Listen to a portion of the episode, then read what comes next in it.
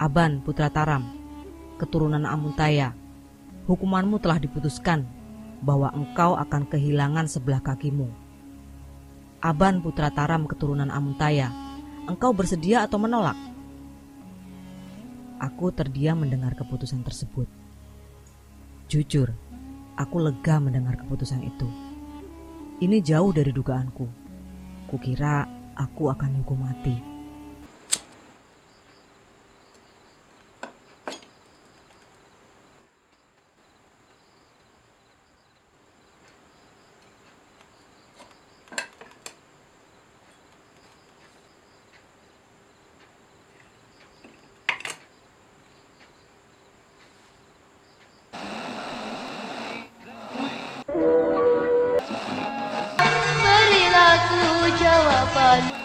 Selamat datang di podcast Kopi Hitam. Halo para pendengar podcast Kopi Hitam. Apa kabar bola makan kalian? Masih rajin makan ikan?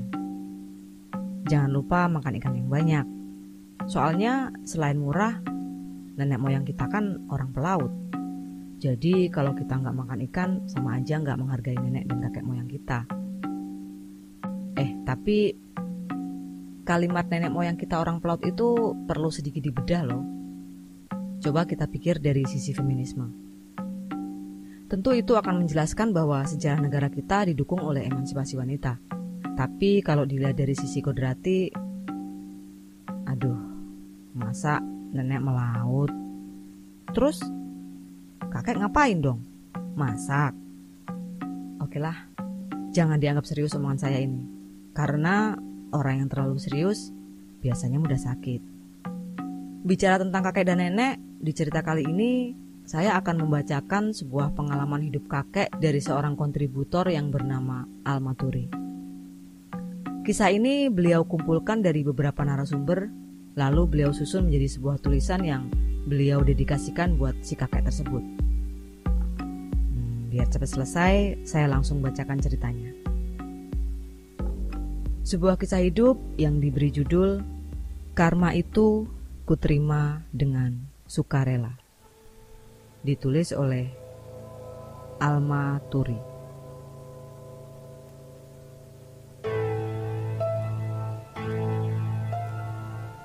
Hai pendengar podcast Kopi Hitam. Ini adalah cerita kedua saya.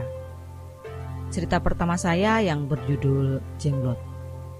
Buat Mas Sari, terima kasih sudah membacakan cerita saya. Semoga podcast Kopi Hitam semakin maju. Amin. Kalian masih ingat dengan cerita Jenglot? Cerita tentang masa kecil nenek saya. Nah, kali ini saya akan membagikan cerita tentang salah satu adiknya nenek Sama yang bernama Aban. Cerita ini saya dapatkan dari nenek Sama dan Paman Rusli, anak dari kakek Aban. Supaya pendengar lebih meresapi jalan cerita saya, saya akan bercerita sebagai kakek Aban. Jadi di sini kalimat aku berarti kakek Aban. Oke, kita mulai ya.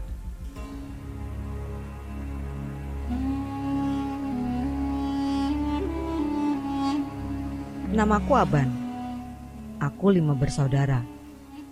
Aku yang paling bungsu kakak tertuaku perempuan bernama Sama. Kakak kedua perempuan bernama Galuh. Kakak ketigaku laki-laki bernama Asad. Sedangkan yang keempat bernama Saleh dan terakhir aku. Aku tidak tahu sejak kapan aku berbeda dengan saudara-saudaraku yang lain. Kata orang tuaku, aku memang sudah bisu sejak masih kecil. Atau mungkin sejak aku lahir. Kata orang-orang, orang bisu itu tuli dan tidak bisa mendengar. Tapi sebenarnya aku bisa mendengar, meski hanya samar-samar. Di antara keluargaku, hanya suara Abah yang bisa ku dengar lebih jelas dari yang lainnya. Kata Abah, itu karena Abah berbicara bahasa Sarik. Istilah lain dalam bahasa Indonesia seperti orang berbicara setengah berteriak. Tidak seperti tiga saudara tertuaku yang mengenyam pendidikan SR, Aku tidak bisa bersekolah karena aku bisu dan aku tidak bisa mendengar apa yang dikatakan guru. Aku pernah disuruh orang tuaku pergi ke sekolah beberapa kali bersama saudara-saudaraku. Tapi ya, seperti yang kalian tahu, aku tidak berangkat lagi ke sekolah karena tidak ada yang bisa aku mengerti. Sedangkan Salih tidak bersekolah karena dia memang bandel. Saleh adalah anak yang paling bandel di antara kami. Kalau Kak Sama, dia yang paling pintar. Dan Kak Galuh, dia yang paling cantik dan paling pengertian padaku. Saat usiaku 12 tahun, pekerjaanku mencari ikan di sungai. Sejak kecil, aku suka main ke sungai sendirian. Entahlah, aku selalu merasa tenang dan damai setiap melihat air sungai yang mengalir. Seolah menghanyutkan semua keresahanku menghanyutkan semua pikiranku bahwa aku berbeda, bahwa aku tidak seperti mereka. Karena kebiasaanku bermain di sungai ini, Abah mengajariku cara menangkap ikan, mulai dengan tombak, pancing, jala, bahkan dengan tangan kosong. Dan di usiaku yang 12 tahun, aku sudah bisa menggunakan semua alat tangkap ikan sendirian. Aku mulai mempelajari hal-hal baru yang tidak diajarkan oleh Abah aku bisa menyelam lebih lama dari orang-orang pada umumnya. Tapi tetap saja tidak bisa sampai di atas 30 detik. Mungkin karena aku manusia, bukan ikan. Hari-hari berlalu seperti biasa. Aku yang selalu menghabiskan waktu di sungai hingga usiaku genap 16 tahun. Suatu hari, Kak Galuh menanyakan bagaimana kegiatanku di sungai akhir-akhir ini. Aku jawab, ya seperti biasa aja. Lalu Kak Galuh bercerita mengenai kemunculan seekor buaya besar di sungai. Ada orang yang terjatuh dari perahu karena perahunya dihantam oleh buaya besar.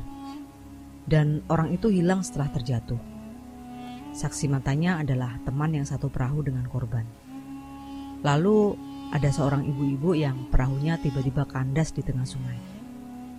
Padahal kondisi air sungai sedang naik. Setelah didorong-dorong menggunakan dayung perahu, barulah benda yang menyangkut di perahu tersebut bergerak. Dan ternyata itu adalah buaya. Kak Galuh mewanti-wanti agar aku berhati-hati saat di sungai. Buaya tersebut sudah meresahkan warga Abah selaku penghulu akan memburu buaya tersebut bersama para warga. Begitu kata Kak Galuh. Keesokan harinya, seperti biasa, aku kembali ke sungai. Seharian, aku terus kepikiran dengan omongan Kak Galuh mengenai buaya tersebut. Kalau memang Abah sedang memburu buaya itu, berarti kalau aku mendapatkan buaya itu, Abah pasti akan bangga padaku. Begitu pikirku. Beberapa hari berlalu, tak ada tanda-tanda kehadiran buaya tersebut. Abah dan para warga pun belum menemukannya. Hingga pada suatu hari di mana aku bertemu dengan buaya itu, tepat di pinggiran sungai di depanku. Dia menatapku. Aku terkejut. Ternyata buaya itu sangat besar. Ukuran badannya kira-kira tiga kali ukuran tubuhku atau setara dengan ukuran badan dua orang dewasa. Kami saling tatap dengan kondisi aku yang masih terkejut. Entah bagaimana awalnya, aku tidak ingat. Saat itu, aku merasa pikiranku dan pikiran buaya itu terhubung. Aku merasa bisa berkomunikasi dengan buaya tersebut melalui pikiran kami. Tapi aku tidak yakin.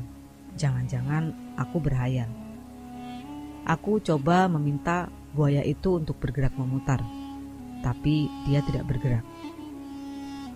Ah, mungkin aku memang berhayal. Lalu aku berpikir bagaimana caranya menangkap buaya besar itu.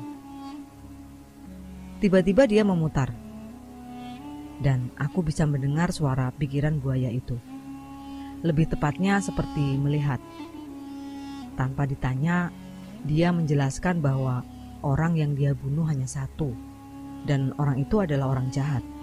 Lalu tentang kejadian-kejadian yang lain, di antaranya soal ibu-ibu yang sampahnya terdampar di atas punggungnya itu, semua itu adalah kejadian yang tidak dia sengaja dan tidak ada niat untuk membunuh.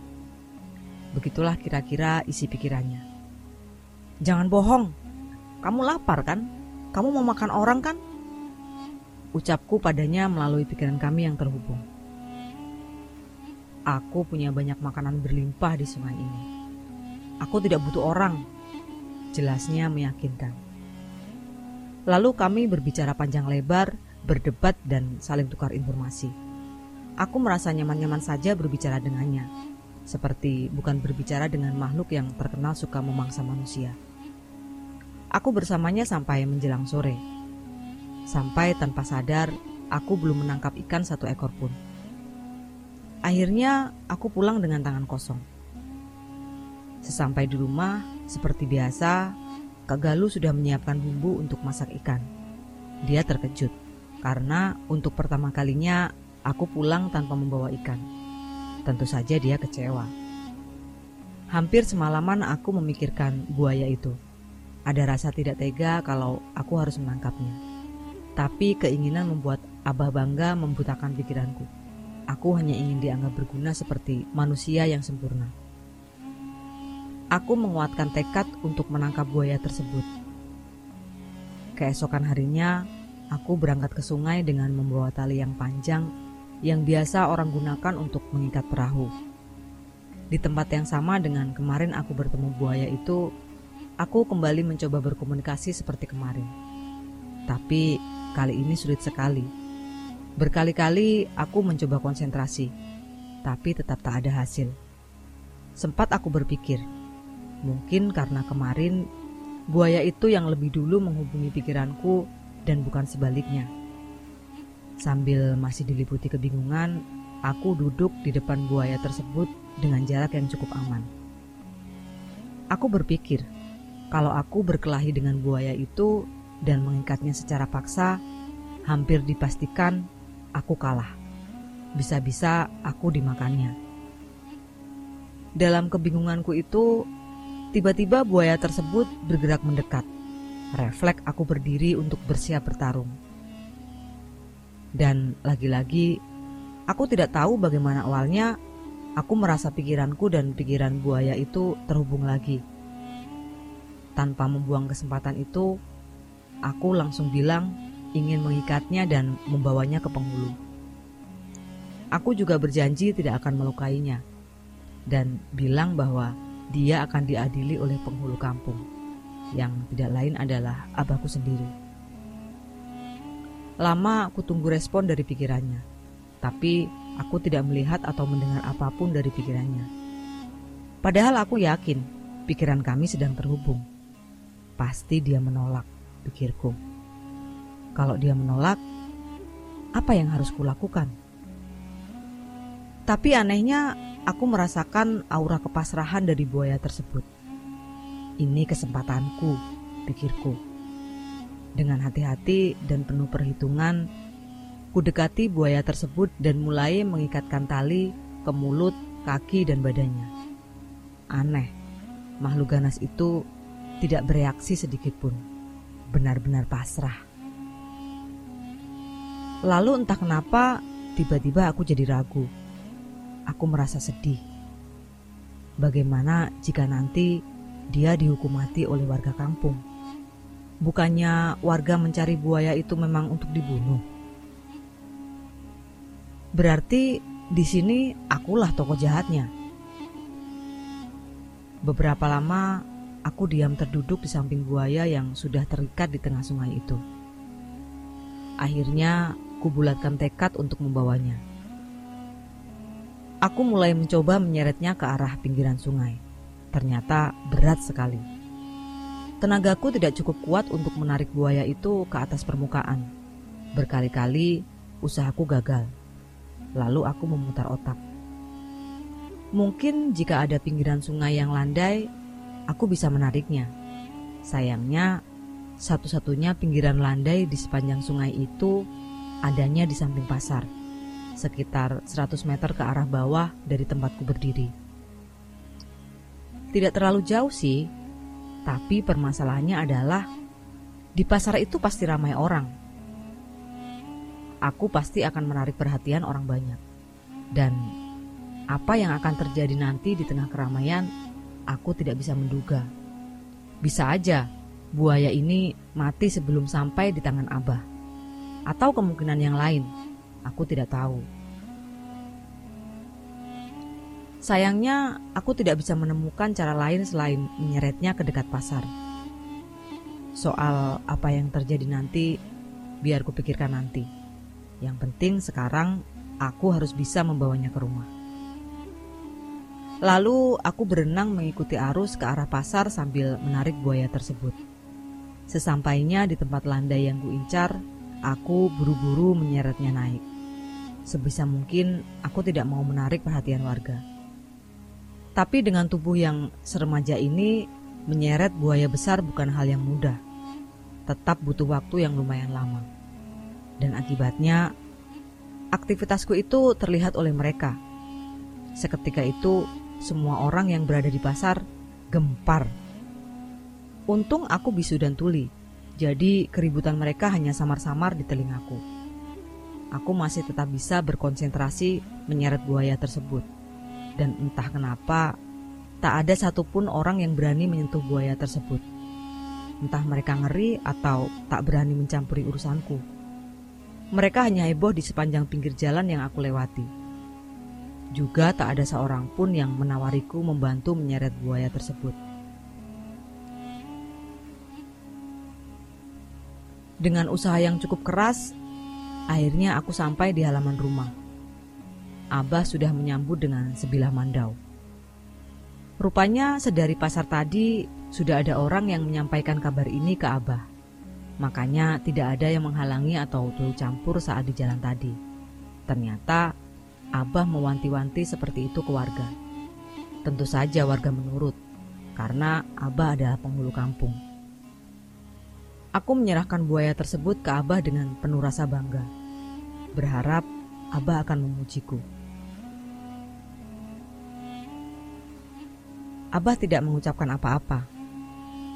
Dia hanya menepuk bahuku. Dari bahasa tubuhnya, Aku yakin sekali kalau dia memang bangga terhadapku. Aku merasa puas.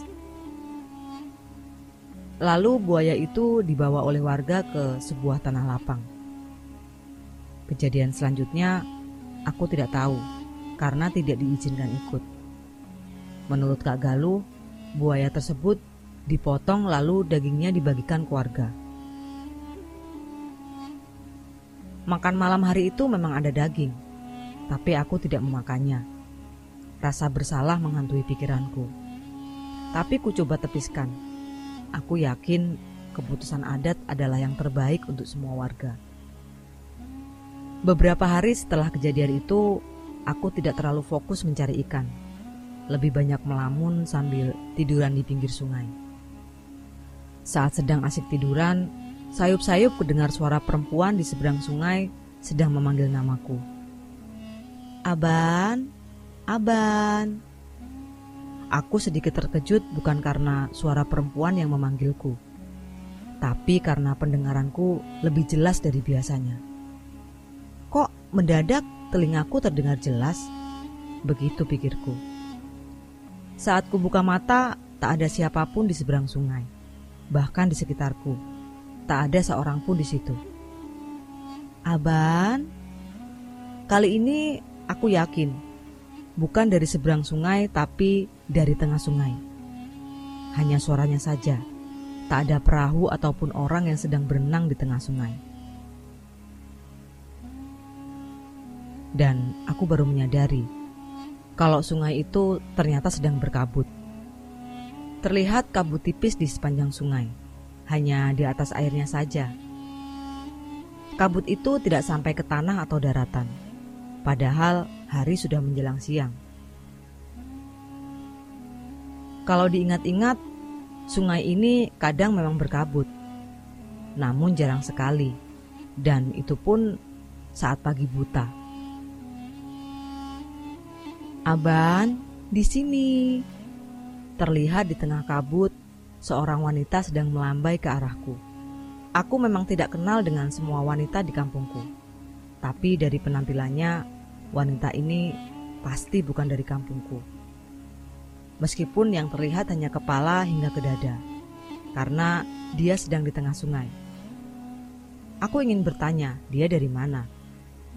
Tapi dengan aku yang bisu ini, mana mungkin dia mengerti ucapanku.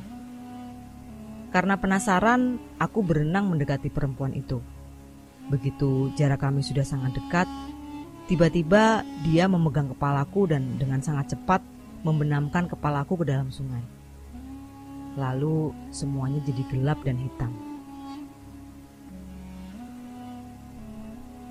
Saat tersadar, aku mendengar seseorang berbicara. Aban, nanti ikut saya menghadap kepala kampung ya. Suara lembut wanita itu terdengar dan tanpa menunggu jawaban dariku, wanita itu keluar dari pondok. Ternyata aku terbangun di lantai sebuah pondok kecil. Perlahan ku gerakan badan yang terasa tidak nyaman ini. Aku pun keluar menuruni tangga pondok. Wanita itu tidak terlihat lagi. Ku coba melihat sekeliling untuk mencari keberadaan wanita itu. Tapi yang kulihat adalah sebuah perkampungan yang lebih bagus dari kampungku. Rumah-rumah panggung di sini terlihat kokoh dan besar-besar. Ya, kecuali pondok tempat aku tertidur tadi, yang lebih mirip rumah-rumah panggung jelek di kampungku. Sisanya semua rumah megah dan besar, dan jalanan di kampung ini luas dan lebar. Aku berjalan mengikuti jalanan yang lebar ini. Meski aku tidak tahu harus kucari ke mana perempuan itu. Di sepanjang jalan banyak orang yang berlalu lalang. Ini tidak mirip kampung, tapi lebih mirip kota Banjarmasin dan aku terkejut saat menyadari sesuatu. Aku bisa mendengar dengan jelas semua suara-suara di sekitarku, terutama orang-orang yang sedang mengobrol. Aban, sini. Seorang wanita melambai ke arahku. Oh, itu dia yang sedang kucari dari tadi. Dia membuat kode gerakan kepala supaya aku mengikutinya. Kami berjalan berdampingan. Sebelum kita menghadap ke kepala kampung, aku akan ajari kamu untuk bicara. Supaya kamu bisa menjawab semua pertanyaan nantinya. Kata wanita tersebut. Tapi aku pikir bagaimana mungkin aku bicara, sedangkan aku sudah bisu sejak lahir. Nah, sekarang coba katakan sesuatu. Katakan dengan tegas Keluarkan suara yang ada di dalam pikiranmu dengan lidahmu, kata wanita itu. Aku berhenti berjalan, dan wanita itu pun berhenti tepat di depanku. Jangan pikirkan hal-hal yang lain. Pikirkan hal yang ingin kamu katakan, dan biarkan itu mengalir melalui mulutmu. Ujar wanita itu lagi. Aku ini bisu sejak lahir, mana bisa bicara, ujarku. Seketika aku tersentak kaget mendengar suaraku sendiri. Nah, itu bisa, ujar wanita itu sambil tertawa. Di sini berbeda. Jika fisikmu cacat, di sini belum tentu. Begitupun sebaliknya. Kadang ada orang yang sehat di kedua alam dan juga Kadang ada yang cacat di kedua alam. Jadi, semua itu tidak pasti. Bagaimana kesehatan dari jiwa manusia itu sendiri? Jelas wanita tersebut. Oh, begitu, sahutku. Apa ini alam bunian seperti yang orang-orang bilang itu? Tanyaku. Kita ngobrolnya sambil jalan aja ya. Dia sengaja mengalihkan pembicaraan dan kami pun kembali berjalan. Ini tidak terlihat seperti kampung. Ini bahkan terlihat seperti kota besar. Ujarku sambil tetap berjalan. Di alam kami, yang seperti ini masih kampung aban. Kalau pusat kota ada di sebelah barat, jawab wanita itu. Kampungnya aja seperti ini, gimana kotanya? Aku menggumam. Sepertinya karena sudah bisa bicara, aku ingin bicara terus mesti hanya bergumam. Aku sempat berpikir, alangkah bodohnya orang-orang yang bicara dalam hati. Padahal bicara dengan mulut lebih enak rasanya. Tak terasa jauh juga kami berjalan. Tibalah kami di sebuah rumah panggung yang cukup besar. Tapi tidak sebesar dan semewah rumah panggung lainnya yang sudah kami lewati. Di depan rumah panggung tersebut terlihat beberapa warga sedang duduk-duduk santai. Mungkin kira-kira ada sekitar tujuh atau delapan orang. Aku mengikuti langkah wanita itu yang berjalan lebih dulu memasuki pekarangan rumah tersebut. Wanita itu sedikit menundukkan kepala sebagai tanda hormat kepada warga yang sedang duduk. Begitupun berbarengan dengan warga tersebut. Mereka juga menundukkan sedikit kepalanya. Aku yang melihat itu juga ikutan menunduk. Naluri tata keramaku mengatakan aku harus ikutan seperti itu. Lalu kami mulai menaiki tangga rumah. Sesampainya di dalam rumah, kulihat sudah banyak orang yang menunggu. Mereka duduk berkeliling merapat ke dinding rumah. Aku masuk, lalu duduk di dinding di samping pintu. Semua orang memandang ke arahku. Wanita yang tadi bersamaku tidak ikut masuk. Dia hanya menunggu di pelataran rumah. Dengan cepat, aku memahami situasi saat ini ini adalah sidang adat. Aku tahu itu karena aku beberapa kali ikut abah jika ada sidang adat. Tepat seperti ini situasinya. Namun kali ini akulah yang sedang disidang. Tanpa penjelasan pun aku sudah bisa merasakan lewat tatapan mata mereka yang seperti mengawasi dan mengintimidasi.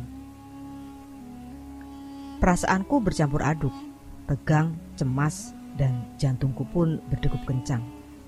Rasanya aku bisa mendengar detak jantungku sendiri. Seorang pria berbadan besar di salah satu sudut ruangan mulai memimpin acara sidang. Aku yakin dialah kepala kampung yang dimaksud oleh wanita tadi. Lalu seseorang dari sudut lain menimpali ucapan sang kepala kampung. Mereka seperti berdiskusi dan sedikit berdebat. Anehnya, aku tidak mengerti dengan bahasa yang mereka gunakan. Mirip bahasa Dayak, tapi dari sekian macam bahasa Dayak yang aku tahu, tidak ada yang seperti ini. Dan logatnya kadang terdengar seperti Dayak Ngaju, kadang juga terdengar seperti logat Melayu tua. Tapi yang jelas bukan keduanya. Di antara kebingunganku itu, seseorang bertanya padaku memakai bahasa Dayak Banjar seperti di kampungku. Aban, kamu dengan sengaja mengikat buaya yang kamu temui di sungai dan menyerahkan ke penghulu kampung. I I iya, aku menjawab dengan gugup. Kamu tahu itu buaya jelmaan, ujar seseorang yang lain. Saya tidak yakin, jawabku. Bukankah kamu sudah berkomunikasi dengannya? Benar begitu? I iya, tapi belum selesai kalimatku, langsung dipotong oleh yang lain. Artinya kamu tahu, itu bukan buaya, tapi kamu tetap menyerahkannya ke penghulu kampung. Di situ keringat dinginku mulai bercucuran. Rasanya seperti tersangka yang akan menghadapi hukuman mati. Sampai-sampai aku tidak bisa menjawab karena gugup. Lalu mereka kembali berdiskusi dalam bahasa mereka. Entah berapa lama. Ku dengar kepala kampung berbicara seperti mengambil sebuah keputusan. Setelah kepala kampung berbicara panjang lebar dalam bahasa mereka, kemudian kepala kampung kembali berbicara dalam bahasa Banjar. Aban Putra Taram, keturunan Amuntaya, hukumanmu telah diputuskan bahwa engkau akan kehilangan sebelah kakimu. Aban Putra Taram keturunan Amuntaya, engkau bersedia atau menolak? Aku terdiam mendengar keputusan tersebut. Jujur, aku lega mendengar keputusan itu. Ini jauh dari dugaanku. Kukira aku akan hukum mati untuk membayar nyawa buaya yang telah kutangkap. Tapi tetap saja, kehilangan kaki itu berat. Ah, setidaknya gara-gara ini sekarang aku bisa bicara, pikirku saat itu. Entahlah, bagi orang sepertiku yang terbiasa tidak memiliki kemampuan yang lengkap seperti orang lain, kehilangan kaki itu bukan hal yang terlalu berat. Lalu ku jawab pertanyaan kepala kampung dengan mantap. Ya, saya bersedia. Lalu kepala kampung kembali berkata, Hukumanmu akan jatuh 39 tahun lagi dari sekarang. Sebelum hukumanmu dijatuhkan, engkau dilarang menceritakan semua yang kau alami tentang siapa sebenarnya buaya itu dan tentang pengalamanmu berada di sini. Tegas kepala kampung. Ini seperti perintah mutlak. Ah, ini sih gampang, pikirku. Ya, saya akan menyimpan rahasia ini sampai hukumanku kelak dijatuhkan. Jawabku tak kalah tegas. Aku merasa kembali mendapatkan keberuntungan. Ternyata hukuman itu tidak saat itu juga dijatuhkan. Tapi masih 39 tahun lagi. Mungkin saat itu aku sudah tua dan namanya orang tua, penyakit tulang atau semacamnya pasti ada. Ini sih seperti bukan hukuman, aku membatin. Nah, ternyata bicara dalam hati itu sangat diperlukan untuk menyembunyikan isi pikiran kita. Sekarang pulanglah, Putri Sirindit akan mengantarmu kembali, ucap kepala kampung sebelum membubarkan acara rapat. Aku pun keluar meninggalkan rumah itu diikuti oleh wanita yang tadi mengantarku yang akhirnya ku tahu namanya adalah Putri Serindit. Dia adalah penjaga wilayah perbatasan alam fana dan alam mereka.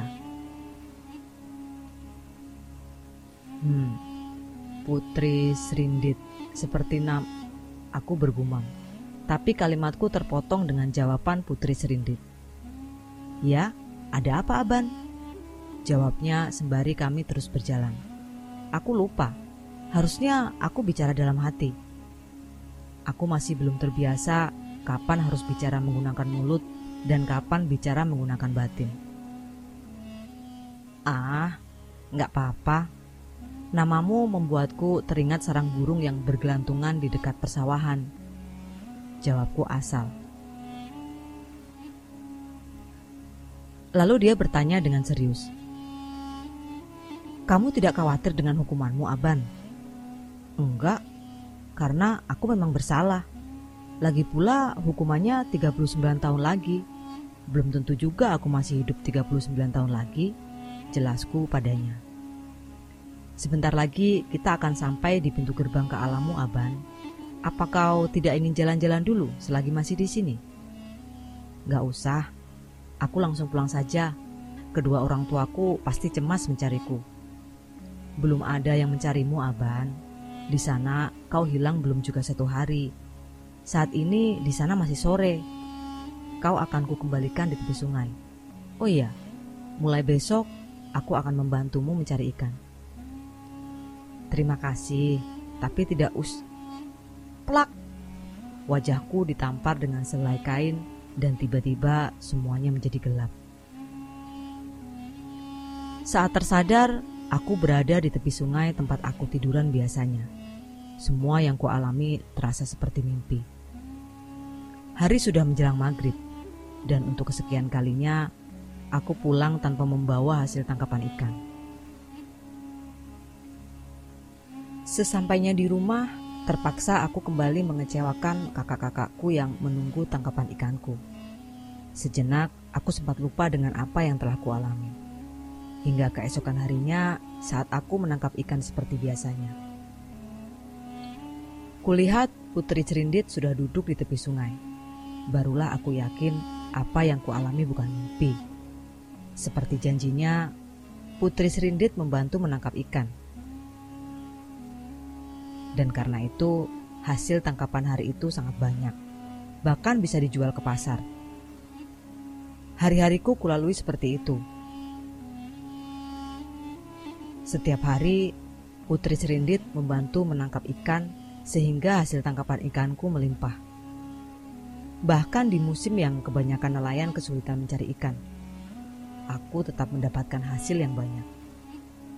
Sepertinya yang bisa melihat putri serindit itu hanya aku, karena kadang-kadang saudaraku yang lain ikut membantu mencari ikan, tapi tak satu pun dari mereka yang memperhatikan keberadaan putri serindit. Beberapa tahun berlalu, aku mulai beranjak dewasa. aku mulai menjalin hubungan dengan gadis di kampungku. Aku merasa beruntung karena masih ada gadis cantik yang mau dengan laki-laki bisu sepertiku. Hubungan kami berlanjut ke pernikahan. Di saat pesta pernikahan sedang berlangsung, Putri Serindit juga hadir dan ikut tersenyum bahagia. Herannya dia hampir tidak menua ada satu hal lagi yang membuatku sedikit terkejut. Sepertinya Abah melihat keberadaan Putri Serindit. Abah bersikap biasa saja, lalu menghampiri Putri Serindit. Mereka duduk bersebelahan dan mengobrol cukup lama. Tapi aku tidak tahu apa yang mereka bicarakan. Sempat kulihat Abah berbicara dengan Putri Serindit, tapi sambil menatapku. Aku tidak tahu Gimana pandangan orang-orang terhadap Abah saat itu? Apa mereka juga melihat Putri Serindit? Atau mereka cuma melihat Abah sedang ngomong sendiri? Untungnya Abah adalah seorang penghulu kampung. Jabatan yang hanya bisa disandang oleh orang yang punya kekuatan mistis. Jadi, kalaupun warga melihat Abah berbicara sendiri, mereka pasti maklum. Hari-hari berlalu, tahun berganti tahun istriku melahirkan anak-anak yang cantik dan tampan. Abah sudah meninggal di saat aku memiliki anak yang ketiga. Aku masih tetap bekerja sebagai nelayan pencari ikan. Hasilnya lebih dari cukup untuk menghidupi keluarga kecilku. Setidaknya itu menurut kami sekeluarga. Hingga tibalah waktu 39 tahun dari hari aku disidang di alam yang entah kenapa aku yakin itulah yang disebut alam bunian. Saat itu aku telah memiliki cucu yang lucu-lucu. Suatu ketika aku merasa kaki sebelah kananku terasa kesemutan. Saat ku sentuh rasanya dingin sekali. Itu berlangsung selama berhari-hari. Setelah genap satu minggu, kaki kananku mulai mati rasa. Awalnya aku coba mengobatinya Kebetulan Kak Samah saat itu mulai dikenal sebagai ahli pengobatan. Bakat ibuku rupanya menurun pada Kak Samah. Tapi kata Kak Samah, penyakitku itu di luar kemampuannya. Awalnya aku tidak paham dengan kata-katanya. Yang tahu cuma kamu sendiri, kata Kak Samah waktu itu. Dari situ aku mulai paham. Inilah masa hukumanku dijatuhkan. Mengenai hal itu, aku mulai belajar pasrah menerima penyakitku itu.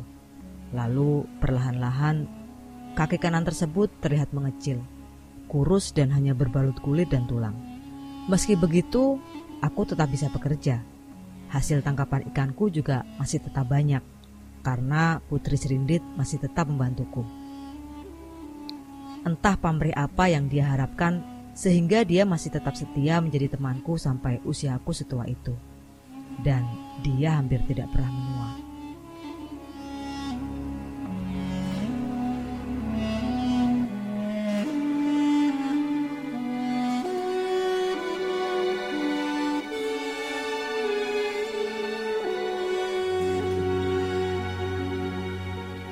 Itulah cerita hidup kakek Aban.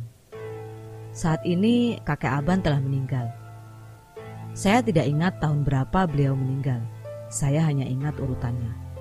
Yang meninggal pertama adalah kakek Asad, lalu disusul kakek Aban, dan kemudian nenek Galuh. Barulah terakhir nenek Sama. Sedangkan kakek Soleh masih hidup sampai sekarang. Saya rasa cukup sekian dulu. Terima kasih kepada podcast Kopi Hitam yang telah membacakan cerita ini. Salam Almaturi. Selesai. Hmm, menarik sekali kisah hidup kakek Aban. Meskipun nggak horor tapi penuh dengan nuansa mistis. Oke, cukup sekian cerita kali ini. Terima kasih sudah mendengarkan sampai selesai. Saya Sari, sampai jumpa di episode selanjutnya.